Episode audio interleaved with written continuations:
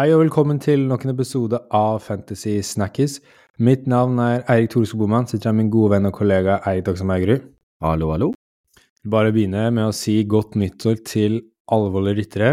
Nå er vi inne i 2024. Det er spennende Mm. tider, og bare begynne å si eh, godt nyttår. Håper dere får et fantastisk 2024. Mm. Hvordan har eh, starten av 2024 vært for deg, Dagsam? Det har vært eh, veldig bra, mye som skjer, og tilbake med tinger og tang, så moro å kunne sette seg ned og prate litt eh, fantasy oppi alt. Midt oppi Ja. alt.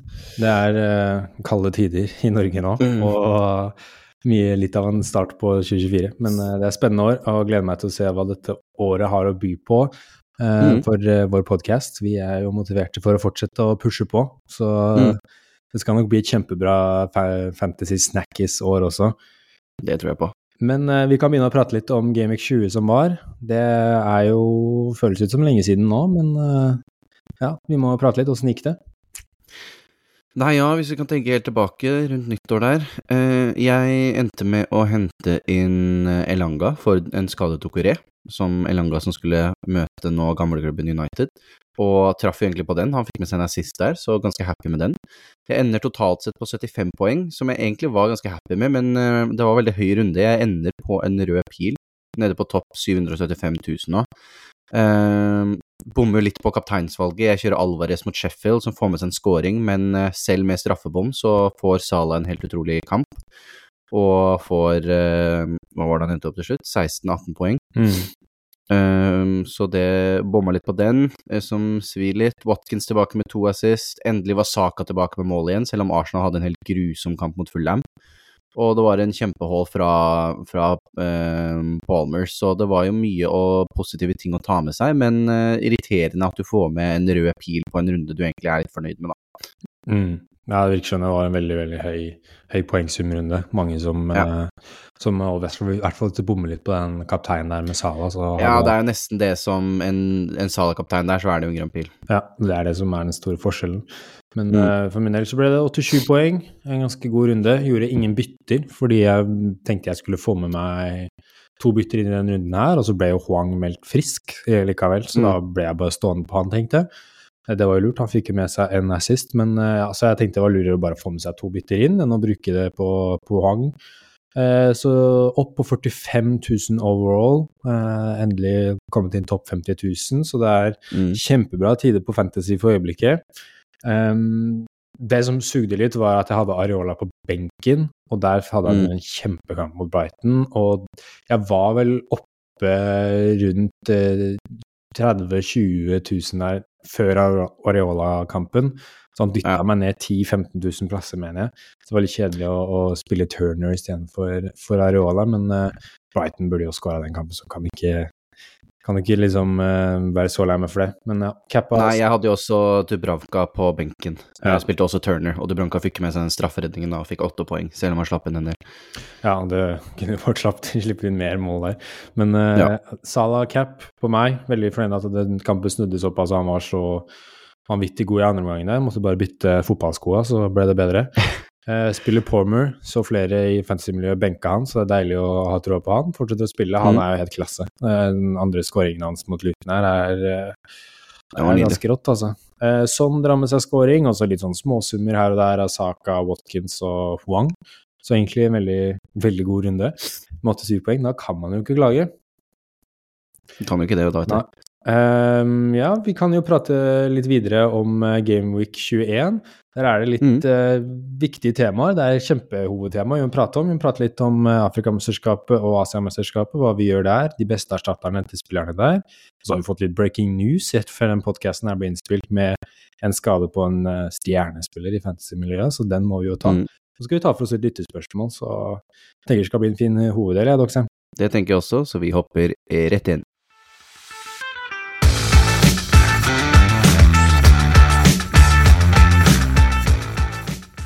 La oss begynne å prate litt om den Gameweek 21, for det er jo egentlig litt sånn rar runde. Det er en runde Mm. som begynner nå på fredag, 12. januar. Det er en endring, for det var egentlig Luton og Burnley skulle egentlig spille på mandag. Den har blitt bytta Ja. til fredag grunnet at Luton uh, spilte uavgjort mot Bolton, så da må de ut i returkamp uh, i FA-cupen. Som gjør at Ja. da måtte de flytte den kampen. Så det er deadline på, på fredag. Husk det. Mm. Uh, og den runden her varer jo fra 12. januar og avsluttes mandag 22. januar, så det er en toukersrunde. Eh, det er grunnet vinterpausen i England, så noen lag spiller denne helga, mens resten av lagene spiller helga etter der igjen, for at de skal få Ja. disse, den uka eller halvannen uka de får til å, til å hvile seg litt. da. Um, Ja. Så det er det. Det er, ikke noe, det er ikke noe sånn at det er to forskjellige runder hvis du lurer på at det er så få kamper. Alt skjer i én runde, det bare varer i to uker. Så veit dere det. Eh, Det største temaet vi har lyst til å prate om, er jo egentlig Afrikamesterskapet og Asiamesterskapet. Prata om mm. dette nå i juleferien og lyste dette at må være obs på at den kommer. Uh, og vi, vi har en del spillere da, som vi må erstatte. Uh, som de fleste høydeeide spillerne som vi må erstatte, er på midtbanen. Så Derfor så Mhm. har vi sett for oss at uh, finner dere noen gode midtbanealternativer, da. Og den første alternativet jeg tenker på som er det mest åpenbare alternativet hvis man ikke eier han, er jo Jared Bowen.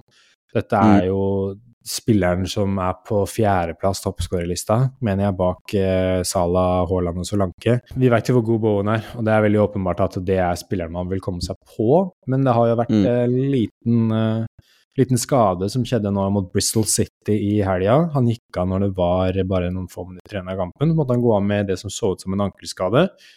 Og Mm. problemet her er jo at Westham spiller jo søndag 22. januar, og det er jo deadline nå til fredag. Eh, hva var det jeg sa? 12. januar. Så vi får jo ikke noen nyheter fra Moyes før den kampen, som kan være problematisk. Men så kan man legge på en annen side, da. Det er jo fint at eh, man får 13 dager, eller hva det er for noe. Nei, det er jo 13 Jo, det er kanskje 13 dager, et eller annet sånt, til, uh, til han skal spille den, uh, spille den kampen mot, uh, mot Sheffield United. Så det er ganske lenge til han skal spille en fotballkamp. Så han får god Ja. tid til å bli frisk og rehab og alt det der. Så det er jo det som er positivt, selv om vi ikke får nyheter, er at det, det er mer tid for ham på å bli frisk, da. Men det er litt sånn, skal man kjøpe inn en spiller som er flagga, er det så lurt? Er det risky? Eh, hva tenker du om det, Doxan? Du sitter jo på Bowen allerede, men eh, vi som Ja. ikke er det. Nei, det er jo litt sånn hva du har, hvor mange bytter du har kommende inn i denne runden her. Eh, Jeg regner med at de fleste sitter jo med en type Sala eller sånn, så jeg regner med at nesten mer eller mindre alle lag har en eller annen spiller som er borte på mesterskapet nå. Eh, Så hvis, sånn som jeg som sitter med Salah og en Bowen, så vil jeg nok se på å ta ut Salah før jeg tar ut Bowen, og heller riske at Bowen kommer tilbake. Salah veit jeg ikke skal spille, Bowen kan spille.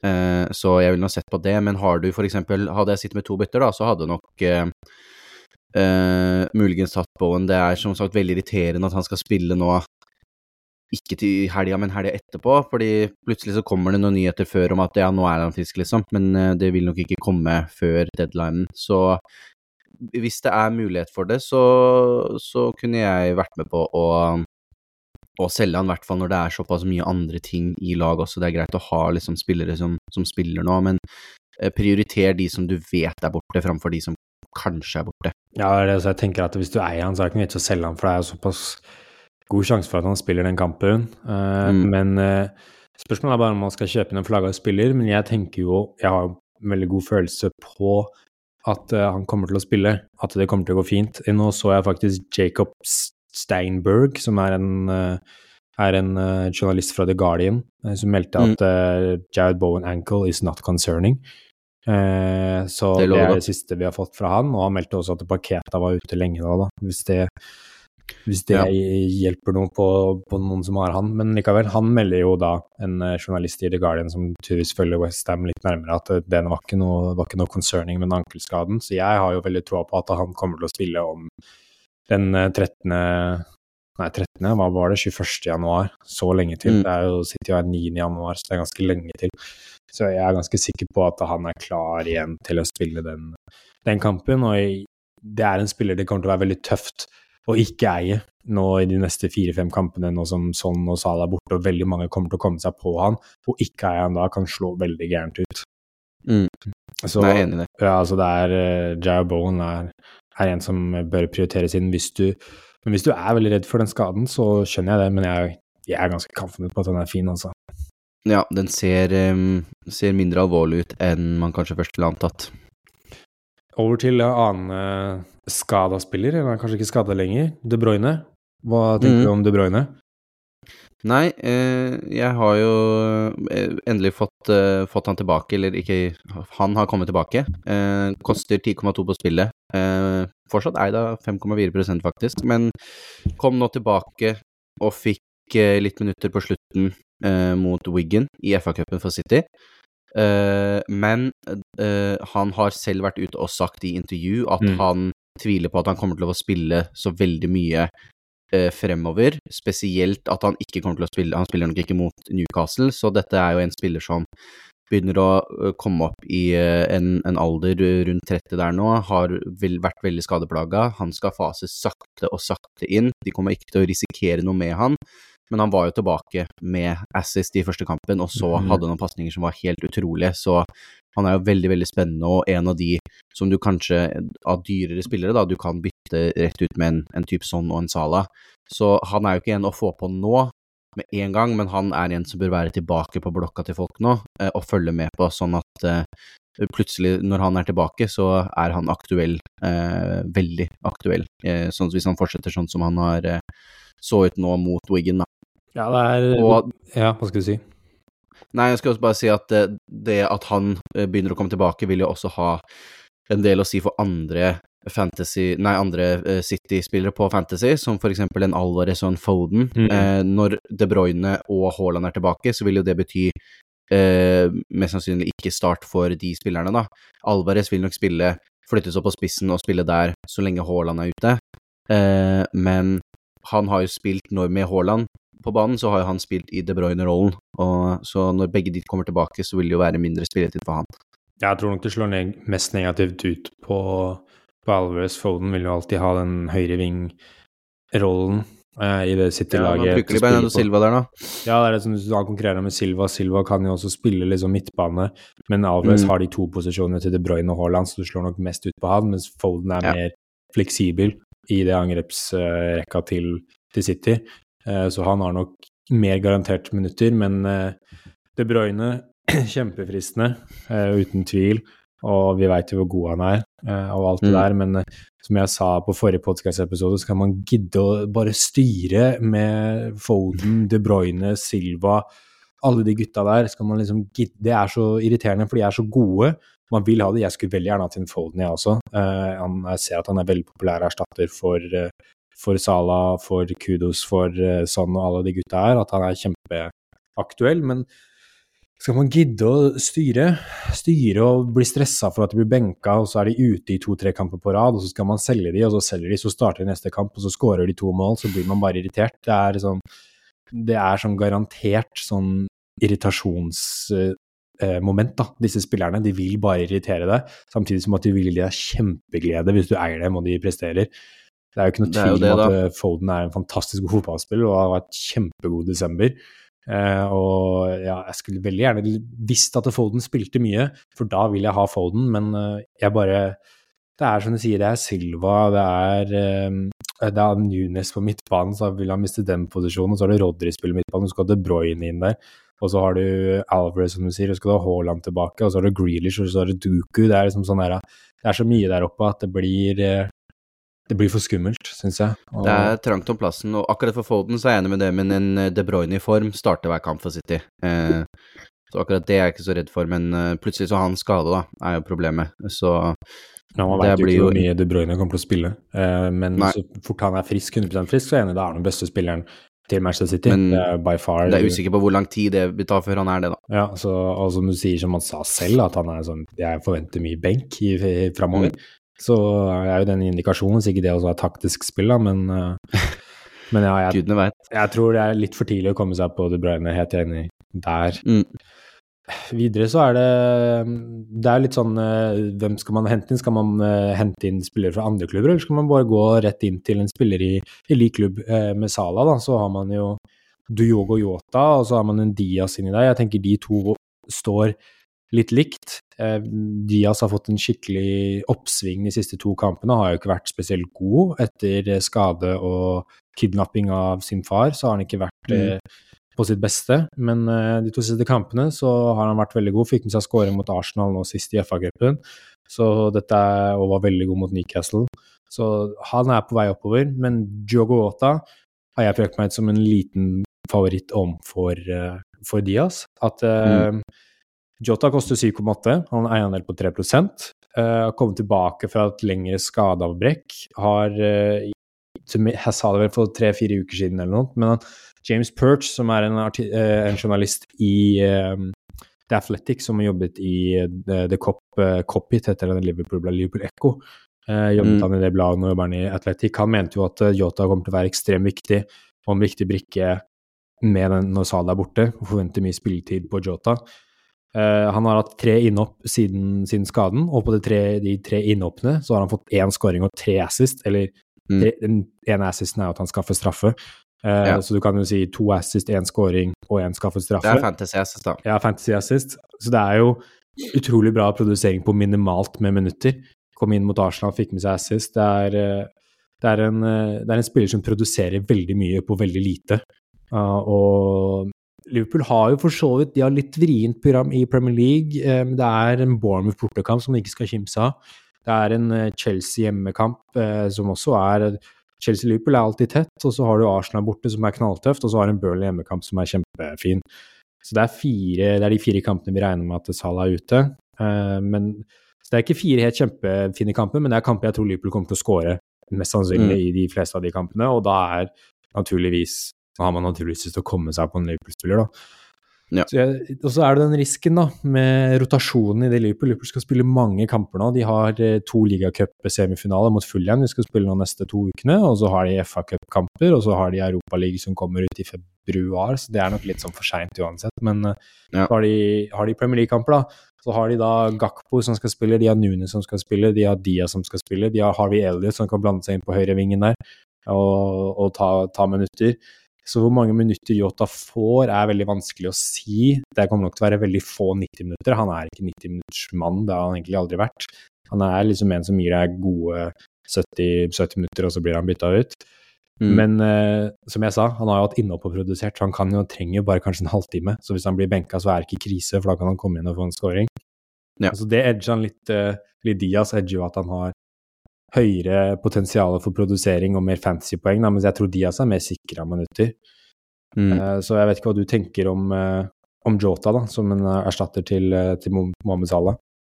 Nei, han er på toppen av min liste, for å si det sånn, og pekte litt på han før, når vi snakka om i tidligere episoder, at jeg hadde lyst til å, å få inn han, og, og, han har ikke gjort noe som har uh, fått meg til å ha for mindre lyst til det, for å si det sånn. Uh, det eneste er det, som sagt, han spiller sjelden 90, men uh, jeg trenger ikke at han spiller 90 hvis han får med seg mål og assist på de, den tiden han spiller, liksom. Mm. Så um, jeg vil heller ha en Yota som spiller 30 minutter og får et mål, enn en Dia som spiller 90 minutter og får ikke noe, liksom. Så Jota er på, på, toppen av min liste, for å si det sånn. Jeg har lyst til å ta Jota istedenfor Diaz, eh, litt fordi han er litt større jokervalg, for å si det på den måten.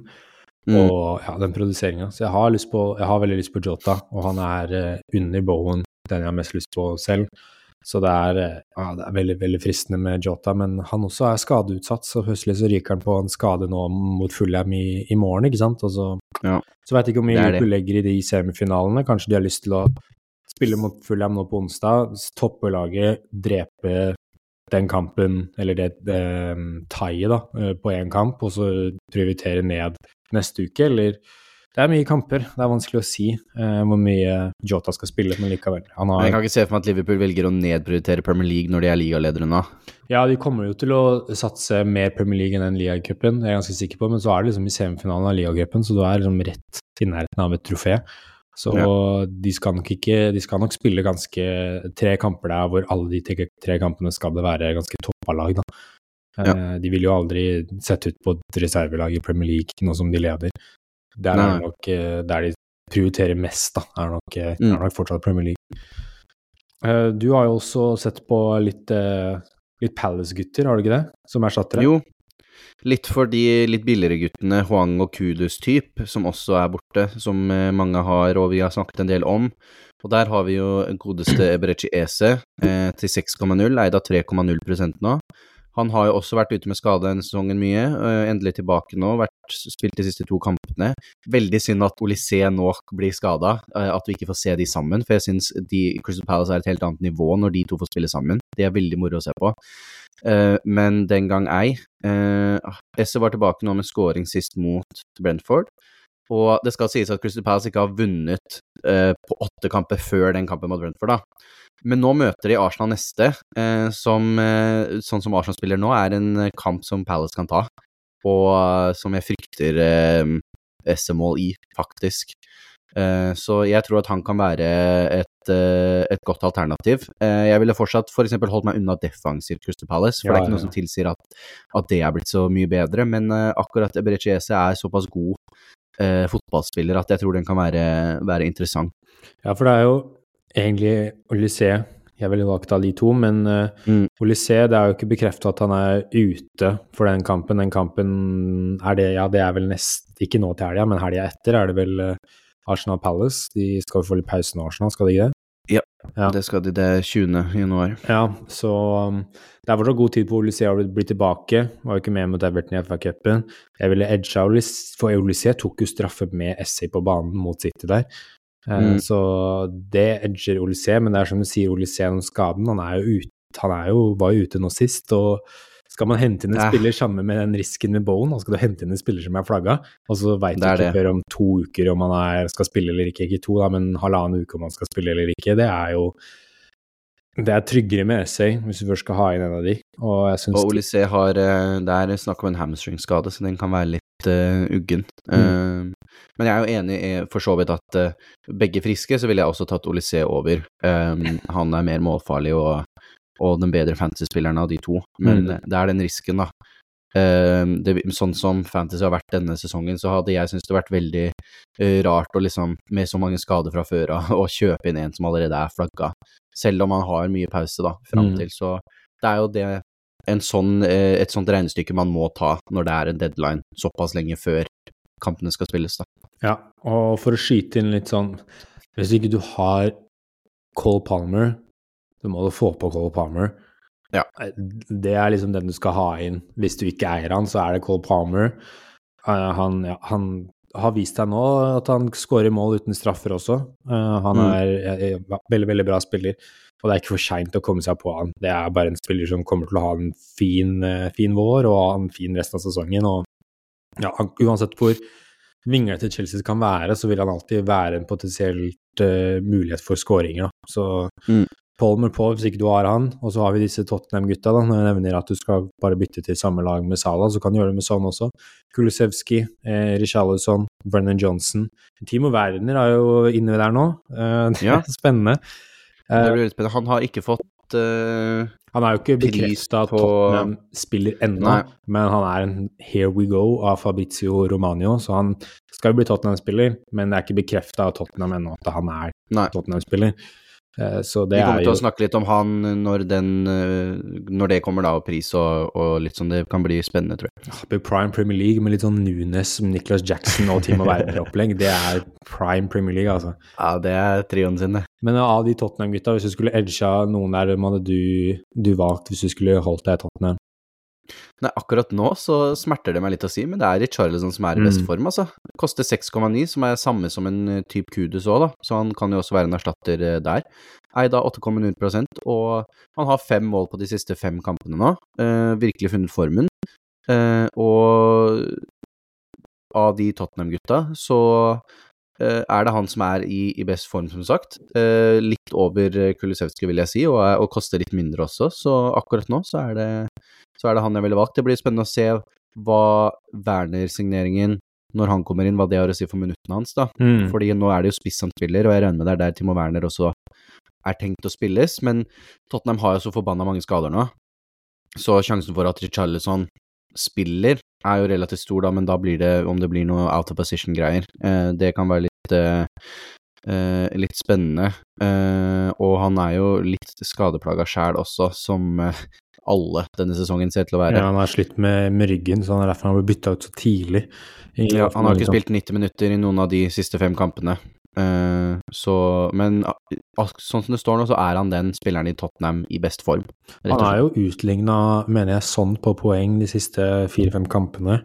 Og ja, jeg, jeg syns Richarlison har prestert litt sånn som Jota Diaz med Kolosevskij og eh, Richarlison. Det er liksom Richarlison og Jota de som produserer, mens Diaz og Kolosevskij liksom kommer til å være mer sikra spilletid. Mm. Og det er jo Richarlison, midtbanespiller på Fantasy som spiller spiss, det er jo veldig fristende. Og ja, det er eh, helt innafor å gjøre det samme med Kolosevskij også. Hvis du har en litt tryggere 90-minuttersmann, så ville jeg valgt Kolosevskij. Kolosevskij er en mye artigere spiller å, å ha, men uh, Richarlison, jeg tror Richarlison også er større sjanse for å få med seg målpoeng. Han, han brenner i noen feite der også. Tottenham hadde nå sist, da? Uh, det begynner å bli lenge siden, men de spilte mot uh, mot Bournemouth, ja. Da brant han Ja. noen feite der, hvis jeg husker riktig. Så kunne fått med seg mer i den kampen. Så ja, jeg heter Niri Charlesson, i Richarlison. Uh, så skal jeg så vil jeg skyte ut Pascal Gross, som presterer bra i det Brighton-laget. Hadde to assist i FA-cupen. Uh, Så jeg vil bare skyte Brighton også har kjempeprogram framover. Helt riktig. Eh, som det også skal nevnes, så det kan eh, fort være litt, eh, litt på det igjen. Jeg skal nevne, snakke om en annen eh, Brighton-spiller litt i, i, i når vi kommer til spørsmål fra seerne også, så Brighton er et lag å følge med på nå. Uten tvil. Hvis du skulle rangert eh, tre beste erstattere, da, hvem hadde vært det for eh, Salah, Son, Kudus, Swang, disse mesterskapsspillerne? Rangert tre beste, så ville jeg nok tatt Hmm. Altså, Palmer for de billiggutta syns jeg er eh, et toppvalg, eh, Mm. om man ikke har han ennå. Hvis ikke så ville jeg nok sagt eh, Jota, Richarlison, EC. Ikke Bowen?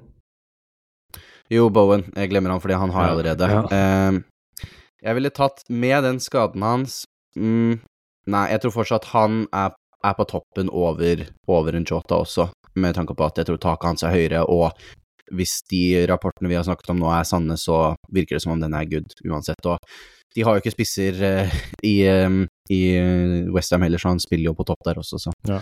ja, Uavhengig av om man er dem eller ikke, så ville jeg også sagt Bowen nummer én, nummer to Palmer og nummer tre Jota eller Richarlison føler jeg ganske likt, men uh, Mm. får si, si Jota, da. Det tenker jeg er min, Ja. min topp tre. Den høres bra ut, den. Eh, jeg tenkte vi skulle ta for oss litt lyttespørsmål og komme Mm. med vår, eh, vår breaking news som eh, droppa rett før innspillingen her. Så da gikk litt av uh, lyttespørsmålene og manuskriptet i dass, for å si det rett ut. For vi fikk Mm. lyttespørsmål om det var verdt å ta en minus fire for å ta ut Trippier og få inn Trent. Og det er her problemet kommer, fordi Trent har blitt meldt skada. Yes. Pep Linders, assistenttreneren til Liverpool, hadde pressekonferanse og sa at han var ute um, a few weeks med kneskade. Hadde hyperextended his knee og ryket et eller annet, sa de. Eh, og noen mener han sa free weeks, og free weeks er jo de to Fulham ligacupkampene og Bournemouth-kampen, så det er jo ikke så ille. Mens noen Mm. sier a few weeks, jeg lurer på om det er en liten sånn language barrier der, så ikke skjønte jeg hva han sa. For den pressekonferansen, det jeg så han Pep Linder sa, hørtes ut som han sa free, men så skrev de a few på liksom caption, så da ble jeg litt sånn, jeg veit ikke hva han mente, jeg, men uh. Han er kneskada, garantert ute mot Bournemouth eh, om uh, halvannen halvann ukes tid, eh, så den, eh, den er bare å, bare å glemme. Og så er han ute i noen cupkamper, ja. Spørsmålet er bare hvor lenge, da, og så kommer det på et veldig dårlig tidspunkt med denne Sala og sånn eh, som er ute, så det er veldig sånn hva skal man gjøre med det? Min sånn første tanke var jo sånn oi, her må jeg selge. Så sitter jeg og reflekterer litt, og da tenker jeg nå som vi har fått så lite informasjon, så vil vi kanskje få mer neste uke. Og jeg vil heller prioritere å få ut disse mesterskapsspillerne, fordi de er ute over en lengre tid. Hvis, hvis det viser seg bare tre uker, og Trent bare mister Bournemouth-kampen, så er det bare går det fint å benke han. Jeg, det kommer litt an på hvis du har gode spillere på benken, da, men jeg har noen jeg kan putte inn på benken som kan spille. Så det Mm. går, det går rett fint å bare benke han, og så se han neste uke om det kommer noen mer nyheter. Og etter Bournemouth-kampen vil vi få mer nyheter. Så det, sånn, det kan være veldig mange opp, eh, oppdateringer til, da. Så jeg tenker at det er greit å bare sette han på benken hvis du har muligheten. Hvis ikke du har muligheten, så må du bare selge. Um, Ja, eventuelt eh, ta et bytte sånn at du får inn noen som du kan sette på benken, for jeg er veldig enig at det er det er mye å, å, selge han nå hvis det viser seg at det ikke er så lenge, da. Så er det veldig greit å bare ha han der og sette han på benken en runde. Ja, det er det jeg tenker at det er foreløpig bare Vent vi får litt mer informasjon, noe mer konkret, tenker jeg. Eller det var jo ganske konkret for så vidt, det der, da. Men mm. kneskader er jo alltid litt uh, seriøse, og hyper extended kneskader er jo ikke like seriøse som uh, brudd og andre ting. Uh, så vi får bare se. Men for å svare på det spørsmålet til vår lytter, ikke verdt å ta mm. minus fire for å få en Trent. Ikke nå, nei. Men jeg kan jo reflektere litt rundt Trippier, da, bare fordi jeg, jeg, skrev litt om han. De har jo en, en ganske tøff kamp mot City, riktignok hjemme, så den er, er nok et Newcastle-lag som kommer til å være i fyr og flamme. Newcastle mm. og Trippier var jo de store taperne i desember. Ja, Trippier hadde en forferdelig måned, og Newcastle hadde en forferdelig måned. Et lag som rett og slett virker slitne. De virker tunge i beina. Eh, de, mange av disse spillerne som Fabian Skjær og Dan Byrne det er jo ikke spillere som holder Champions League-nivå. Og det har de kanskje Nei. begynt å merke nå, at Eddie Howe har nå kanskje maksa ut uh, disse spillerne litt. Dette er ikke det er, ikke de, det er kjempegode spillere i forrige sesong, men nå, man ser jo litt nå at Danny Byrne ble jo leika med de siste kampene, i hvert fall på Anfield. Uh, og Fabian Skjær er gammel, han ble ikke henta inn for å ta dem til Champions League, han var jo henta inn litt Nei. sånn for å for han var en ålreit fotballspiller. Så, og Jamal Lascelles er jo heller ikke noe klassespiller. Botman er jo for så vidt bra, da.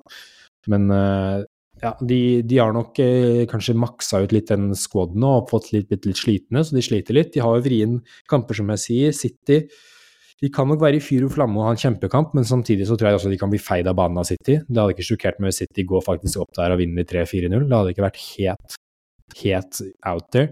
Samtidig som jeg tror vi veit jo hvor gode Newcastle kan være på, midtbanen, nei, på hjemmebane, men de tapte jo mot Forest nå sist eh, hjemmekamp. De hadde vært veldig gode på hjemmebane før den. Ja, så hadde de vel bare tapt mot Liverpool, og slått Aston Villa og Arsenal annet der. Eh, men etter City-kampen så kommer en Aston Villa bortekamp. Den er heller ikke så veldig bra for Trippier. Så kan du si etter der en kommer det noen veldig fine kamper, da. Så hvis man klarer å holde på Trippier i de to kampene der, håper man får med seg noen eh, offensive returns, så tror jeg det er ikke helt krise, altså. I det resonnementet mitt jeg egentlig hadde, så ville jeg sagt Trent over Trippier uh, every day of the week, men uh, akkurat nå så vet jeg ikke om det er der du skal prioritere et bytte, da. Hvis du har mye mesterskapsspillere, så tror jeg du må bare håpe at uh, Trippier får med seg noe, for det er ikke helt, helt uhørt, altså. Men ja. jeg veit ikke helt hvem man skulle tatt inn istedenfor Trippier nå, hvis man skal bruke en minus fire på å få inn Gusto og disse gutta her.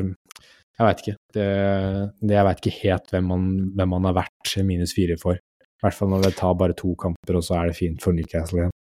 Nei, det er, det er vel strengt talt ingen han har vært en minus fire for, i mine øyne. Ja. Uh, så selv om han har vært uh, bedragelig i det siste, så brenner det såpass mye på flere andre steder i veldig mange lag, og da er det liksom Da må du Da må du faktisk ikke bruke bytter på de spillerne som faktisk spiller, liksom. Ja, Vi fikk jo et annet spørsmål uh, angående forsvarsspillere, Doxham. Kan ikke du dra mm. gjennom mm. det spørsmålet? Yes, vi fikk et spørsmål med hvem bør hentes slash byttes med eh, Gabriel, Trent Alexander-Arnold, Cash, Lamptey og Lascelles, så da har jeg lagd det til en liten eh, del om bare generelt forsvarsspillere. Og eh, av de spillerne som nevnes, da, så kan vi starte med at eh, Lamptey er jo langtidsskada, og Lascelles spiller jo ikke nå som Botman og Skjær er tilbake, så begge de er jo egentlig uh, noe å bare få ut. Uh, samme kan man også dra inn der. Uh, han Caboret som nå er i, mm. I Afrikamesterskapet, er jo også borte. Um, men så er det jo sånn det er ikke verdt å uh, prioritere et bytte på en fjerde-femteforsvarer om de like gjerne bare skal sitte på benken, men det, men det, kan være verdt å bytte noen av de hvis det er sånn at ok, jeg vil heller holde på en Trent da, og ha han på benken, da må en av de spille. Jeg har en som ikke spiller, ok, da bruker vi bytte heller på å få en fjerde-femteforsvarer som spiller, sånn at jeg kan ha en Trent på benken for den runden, da. Så det er jo det det eventuelt måtte gå på. Og uh, i alternativene i den prisklassen er ikke så veldig mye. Da er det jo å se på uh, spillere rundt 4,0, under 4,5 som spiller, og vi har jo spillere som Charlie Taylor fra Burnley. Han har en liten skulderskade nå, så han er litt uaktuell til 4,0. Så har vi en Jared Brantwaite fra Everton til 4,1. Uh, eh, de er jo ikke så høyt tak på, men de spiller jo. Eh, men hvis du ser i liksom sjiktet over, da, så har du jo en, en Malagusto som til 4,2, som spiller mye for Chelsea, for Jeg har uh, lyst på han uh, Malagusto egentlig. Han hadde det tillatt meg, så, og jeg hadde hatt Mm. liksom et gratisbytte, så skulle jeg gjerne fått inn Gusto til 4,2. Chelsea, bra kamp kampprogram. Istedenfor Konza eller Gabriel, hatt inn en Malagusto der. Han er jo veldig spennende, og Reece James kan jo ikke spille to kamper på rad uten å få en skade, så ute- spilletiden hans er ganske sikker. Han er jo ute til neste Neste Nei, nå er det jo skuddår i år, da, men uh, Ja, ja. skuddår, neste skuddår etter der igjen. Ja, ja. Mm. Nei, så øh, den er ganske grei, men jeg har også sett faktisk øh, Han koster jo 4,2, Malo Gusto, men du kan få en som jeg mener kanskje er et enda bedre valg til 4,0, og det er godeste Jean-Paul Van Hecke hos Brighton. Han har spilt mer eller mindre hele sesongen, så han er sikra minutter der. Og til en 4,0 på et Brighton-lag som nå har et veldig fint program, så tror jeg han kan være en liten shout der, altså. Spørsmålet Eh, er bare om det er Brighton-laget skal klare å holde clean shit.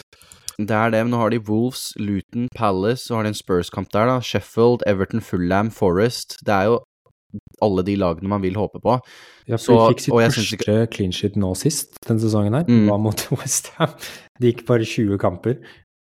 Men jeg syns ikke at Chelsea er noe såpass uh, clean shit-garanti noe mye mer enn det Brighton er. Mm. Så uh, ja, Mal Gusto har eh, litt mer, uh, mer offensivt Om ikke fiber, så har han vel fått inn Jeg mener han har Skal vi se Gusto Han hadde jo en har fin tre høst der han dro med seg om 14 poenger og sånt. Så jeg, Ja, han har tre assist, liksom, eh, denne sesongen, og Van Hekke har eh, vel ikke noe Nei.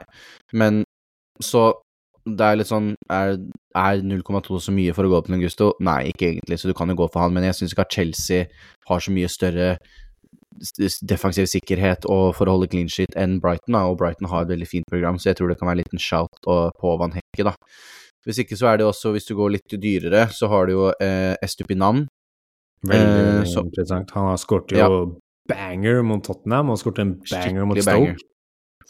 Så han har eh, to sekspoengere de, de siste to kampene. Har jo samme programmet som Van Hekke i Brighton, og er nede på 4,9 nå. Eh, har jo ligget på, på fem og over fem i, før hele sesongen, men har jo vært langtidsskada, men tilbake nå. Han var jo så god i fjor. Ja, og det har jo vært litt greia med Brighton at de har hatt litt svak start på sesongen, så folk har liksom eh, glemt litt spillerne deres. Men nå eh, om, De har jo ikke tatt seg opp så supert, da, men nå har de et veldig fint program som kommer, og spillere tilbake fra skade. Nå mister de Mitoma til Asia-cupen, da. Eh, men eh, et Stupinan tror jeg også kan være et veldig, veldig interessant Han er jo mer en erstatter for type eh, Cash og Gabriel, da. Eh, som jeg også syns Hva sa du? Uten tvil. Jeg, jeg har Ja. lyst til å få kvitte meg med Gabriel for å få inn Estupinan istedenfor. Mm, Gabriel eh, jeg syns jeg også er en som eh, man kan ta ut. Det er litt sånn Han kommer jo til å spille, så det er om du skal prioritere han framfor andre spillere, da. Men Arsenal har jo ikke sett eh, veldig gode ut på en stund nå. De har jo ikke vunnet på En måned. Ja, det var fem-seks kamper. Eh, det, de har ikke Det var den eneste Brighton-kampen er den eneste de har vunnet på år og dag, egentlig. Så, og de holder ikke clean shit, så det er ikke vits å holde på Gabriel, men han kommer til å spille. Eh, så den er jo grei med, med type at det er en mulighet der, da.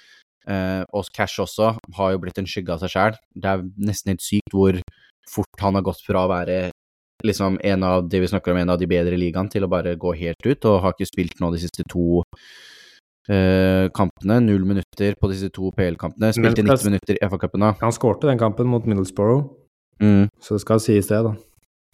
Og han spiller, han har jo spilt wing, liksom, når han har vært på eh, i Aston Villa også, men han bare har, har vært dårlig. Jeg tror ikke at uh, Eh. han spiller så mye, egentlig, selv om han hadde en bra kamp mot Middlesbrough i FA-cupen, så veit jeg ikke hvor mye minutter han er sikra. Det er eh, Det er, eh, det er ikke godt å Det er litt sånn iffy. De har jo mye forsvarsspillere, faktisk, Aston Villa, så Ja.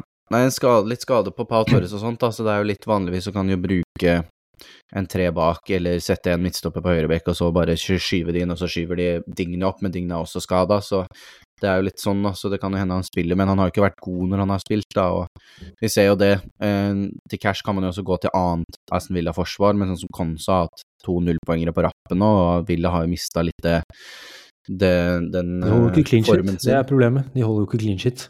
Selv om de Nei, er spiller da- bra, så de holder Ja, de, de sliter med å holde clean shit. Det er det som er frustrerende med Villa. Da er det liksom Cash og Moreno og Digne som egentlig er de beste, fordi de får det offensive returns på. Men det er som du sier, Cash har jo ikke spilt veldig bra. Digne er ute, så da er kanskje Moreno da, den beste, faktisk. Mm. Og en til av de litt dyrere, så syns jeg også at eh, Pedro Porro kan være et veldig spennende valg. Han hadde også en banger i FA-cupen. Ja, det var.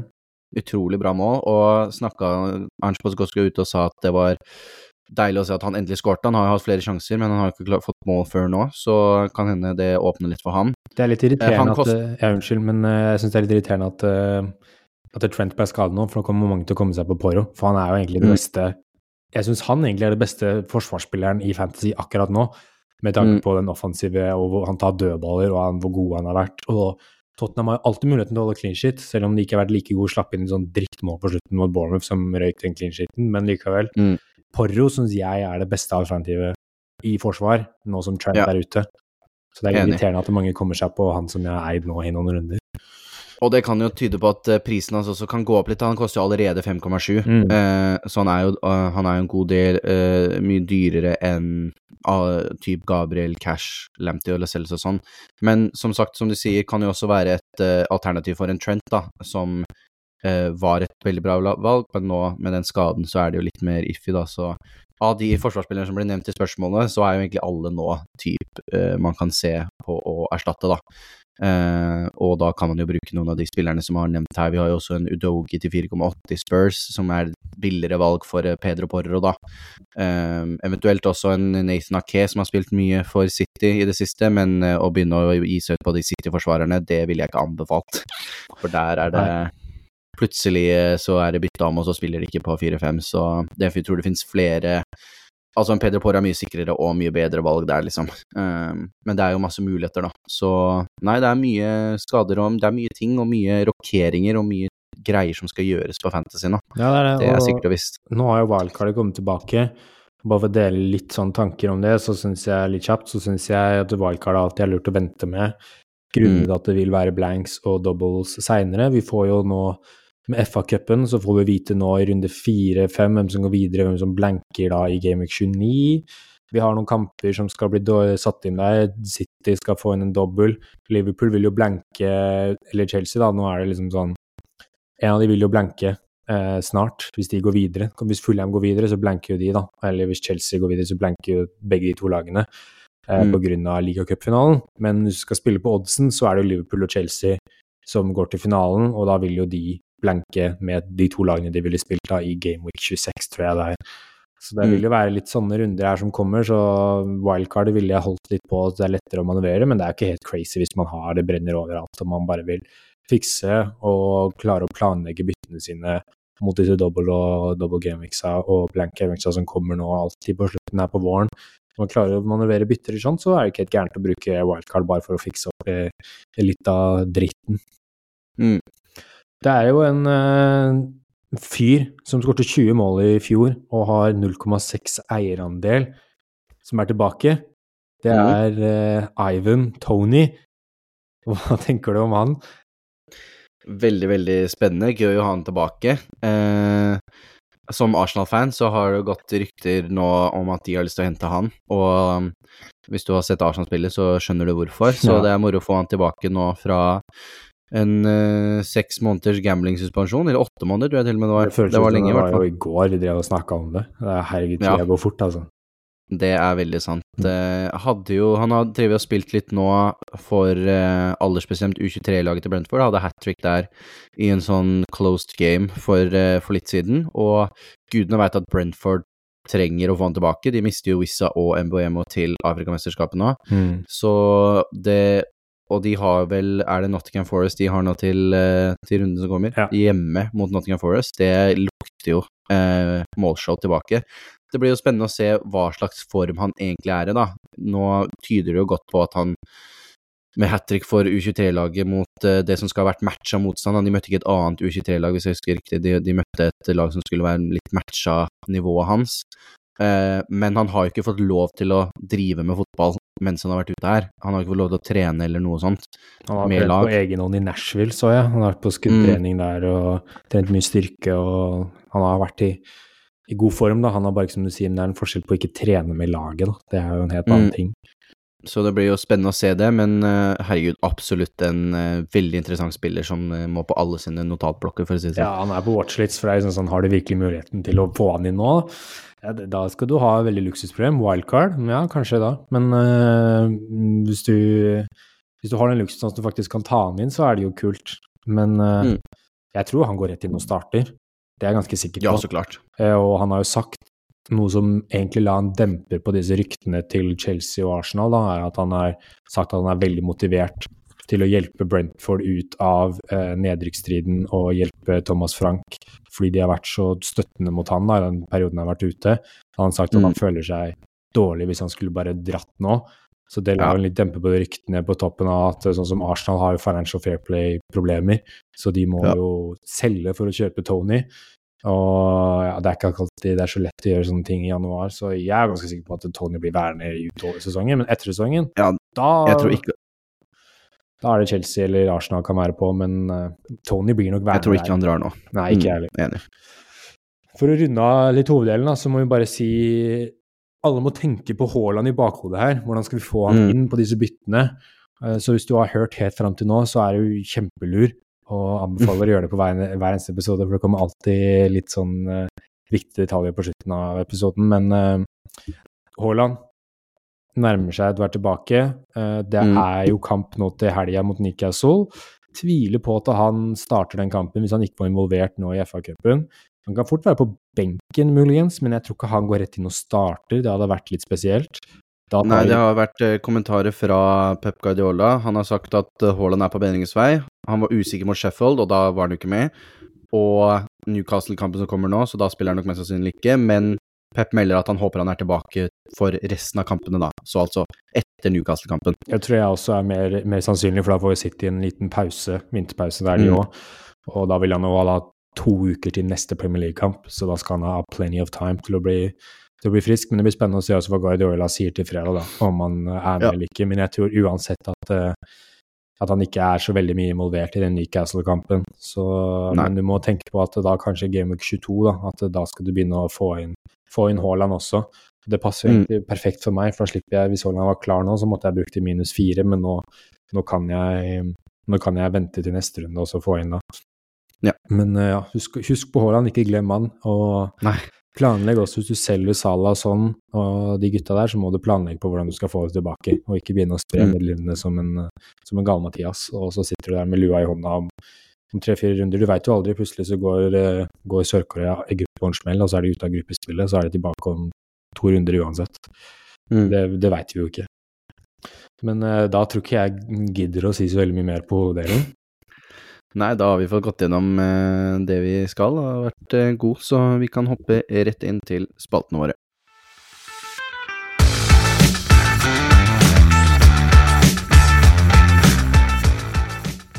Inne i siste del av podkasten, nemlig våre faste spalter, og vi starter som vanlig med Captain my captain, så da lurer jeg på, Boman, hvem er det du har tenkt å ha kapteinspinnet på til kommende runde? Ja, veldig åpent, veldig morsomt. Eh, det er jo ingen åpenbare valg. Nei? Jeg tenker jo egentlig at eh, hvis Arsenal hadde vært i form, så er en soleklar favoritt i Saka og Ødegaard. Det er Mm. de to beste kapteinspillene i hjemmekamp mot Crystal Palace. Dette er, det er egentlig solklar, solklar favoritten, men som vi sier, de har vunnet, som vi sa, de har vunnet én kamp den siste måneden. De har jo for så vidt spilt bra og har gode tall, det er bare det at de ikke har scoret. Skåret mål? Ja, det er det Mm. som er problemet. Så hvis du skal se på liksom tallene, så er det fortsatt Saka et veldig godt kapteinsvalg. Eh, For han har høy XG og er mye involvert. Det er bare det at eh, du har en Jesus som klarer ikke å sette sjansene, og han også smeller han litt i stanga og litt her og der. Så det er liksom sånn Mm. Det vil bare ikke inn. Men uh, jeg syns Saka og Ødegaard er egentlig de store favorittene. Palmer hjemme mot Fulham. Fulham kan fort nedprioritere den Chelsea-kampen, for de skal spille to ligacup-semifinaler mot Liverpool på en Mm. uke der, og at de kanskje da sett, satser alt på de to kampene for å komme seg til en finale og vinne et trofé, da, enn den bortekampen mot Chelsea i ligaen som Fulham kommer ikke til å rykke ned, og de kommer til å være på midten av tabellen uansett. Så det er litt sånn der, hvorfor skal vi ikke gå all in for å vinne et trofé istedenfor å dra på Stamford Bridge der og karre til seg tre poeng, på en måte, eller ett poeng. Eh, men de kommer ikke til å gå inn der og gi faen heller. De kommer jo til å være Nei, der og få med seg poeng, prøve sitt beste og sette opp en god matchplan. Så men Cole Palmer uh, veldig godt valg. Spørsmålet er bare om han gjorde fra seg litt nå sist, og at han får da to uh, 18-poengere, 15 poenger bra. Det er jo litt usikkert, da. Eh, jeg skrev i notatene mine at jeg snusa på Trent, men nå gjør jeg ikke det lenger.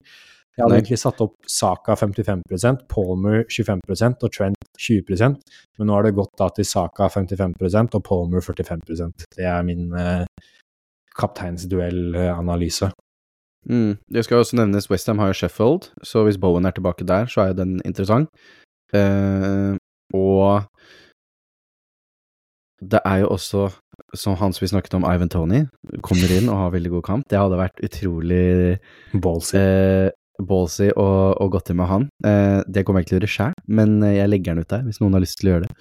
Eh, men som du sier, det er veldig, veldig interessant med at det er en, en miks av ingen sånn desidert gode kamper og alle de vanlige valgene er eh, på, på tur på turnering eller skade og sånn. Så veldig, veldig åpen. Så jeg tror aldri jeg må ha liksom å ta en så stor tenkerunde på hvem det blir. Vi ser jo Alvarez og Watkins også har tøffe bortekamper. Eh, Liverpool har også en tøff bortekamp uten Sala, så nei, det blir, eh, det blir veldig spennende. Jeg tror sånn som det står nå, så er nok jeg på en Saka eller Palmer, faktisk. Så blir det interessant å se hvem jeg henter inn denne runden, da. Kanskje det blir et alternativ der. Nå får jo Arsenal en pause, og det kan jo være Mm. godt for dem. Og um, kanskje de har fått, uh, fått inn han Jimenez fra PSV, eller uh, han der uh, Gyokos fra Sporting uh, innen den yeah. kampen der, og så plutselig står de der og skårer mål. Jeg tror det er litt sannsynlig, men uh, Ja. vet jo aldri. Det er jo en stund til den kampen. Eh, men jeg syns Saka og Ødegaard er de to tryggeste valgene. De, de har den beste kampen, og det er jo Arsenal må bare få, få litt utløsning, så, så går det De må jo faktisk snu det på et eller annet tidspunkt, Ja, hvis de jeg, skal jeg ha noe sliter med å se for meg at Palace skal gå inn der og holde clean shit mot Arsenal. Det, Mm. det, det jeg klarer ikke helt å se det for meg, for å være helt ærlig. Nei, jeg har sett sykere ting, da. Mm. Det skal sies. Ja, det er sant. Og med det så kan vi hoppe inn i siste spalte, som er vår jokerliga, som er vår, vår lille miniliga hvor vi eh, hver runde velger en joker, som er en spiller på under 10 eierandel, eh, som vi da setter mot hverandre head to head, og så teller vi opp poengene til slutt. Eh, nå hadde vi sist vi snakket sammen, eh, så valgte jeg Bernardo Silva igjen eh, for andre gang denne sesongen. Og han fikk med seg tre poeng. Og du, Boman, du valgte en kunku som fikk med seg ett uskyldt poeng. Ja, så nå er det ræva her, altså. Det er er 0, 1, 2, 1, ikke spille kamp, 1, 1. Det har vært ganske ræva de siste kampene her. Det har det. Eh, totalene nå er jeg er på 63 poeng, Boman er på 46 poeng. Eh, og siden Boman da fikk lavest score sist runde, så er det han som velger først denne runden. Så hvem er din joker for Game Week 21? Soloklar favoritt i jokerspalten, Eida under 1 Ivan Tony. Jeg får ikke noe mer joker enn det der, altså. Få han på. Nei. Jeg velger Ivan Tony. Den er solid. Jeg har gått og, og valgt en spiller som jeg egentlig ikke liker veldig godt. Uh, ingen gjør det egentlig, veldig dratetryne. Men som vi har nevnt i denne episoden, så er han Tottenhams spiller in form. Uh, så jeg har valgt å gått med Richarlison. Mm. Uh, og håper at han kan få med seg noe. De skal jo møte United, vet du, og da tenker jeg der er det bare å smi mens jernet er varmt. Eh, og det kan jo ikke gå dårlig for Tottenham, det. Og hvis de gjør det, så er det en win-win for meg, det. Så Richarlison der, altså. Så da er det Ivan Tony fra Brentford for Boman og Richarlison fra Tottenham for meg. Så da blir det spennende å se hvordan de gjør det kommende runde. Ja, det blir det. Og med det så har vi kommet til slutten av episoden, så da kan jo du se oss ut, Boman, som du alltid gjør. Yes, eh, tusen takk for at dere lyttet på årets første episode av Fantasy Snackies. Utrolig kult mm. at dere er med i år også. Håper dere blir med resten av sesongen og utover i neste sesong. Vi er veldig motivert til å ha kjempebra 2024, og Mm. fortsett å stille oss spørsmål på at Fancy Snackies, Instagram, Twitter og TikTok. Gjerne send oss noen meldinger bare på DM også, hvis dere har noe konstruktiv kritikk eller noe ros å dele ut, så bare gjør det. Mm. Igjen, ha et eh, kjempefint år, og så masse lykke til til helga. Husk deadline, og ja, nyt resten av uka. Ha det godt. Ha det, ha det.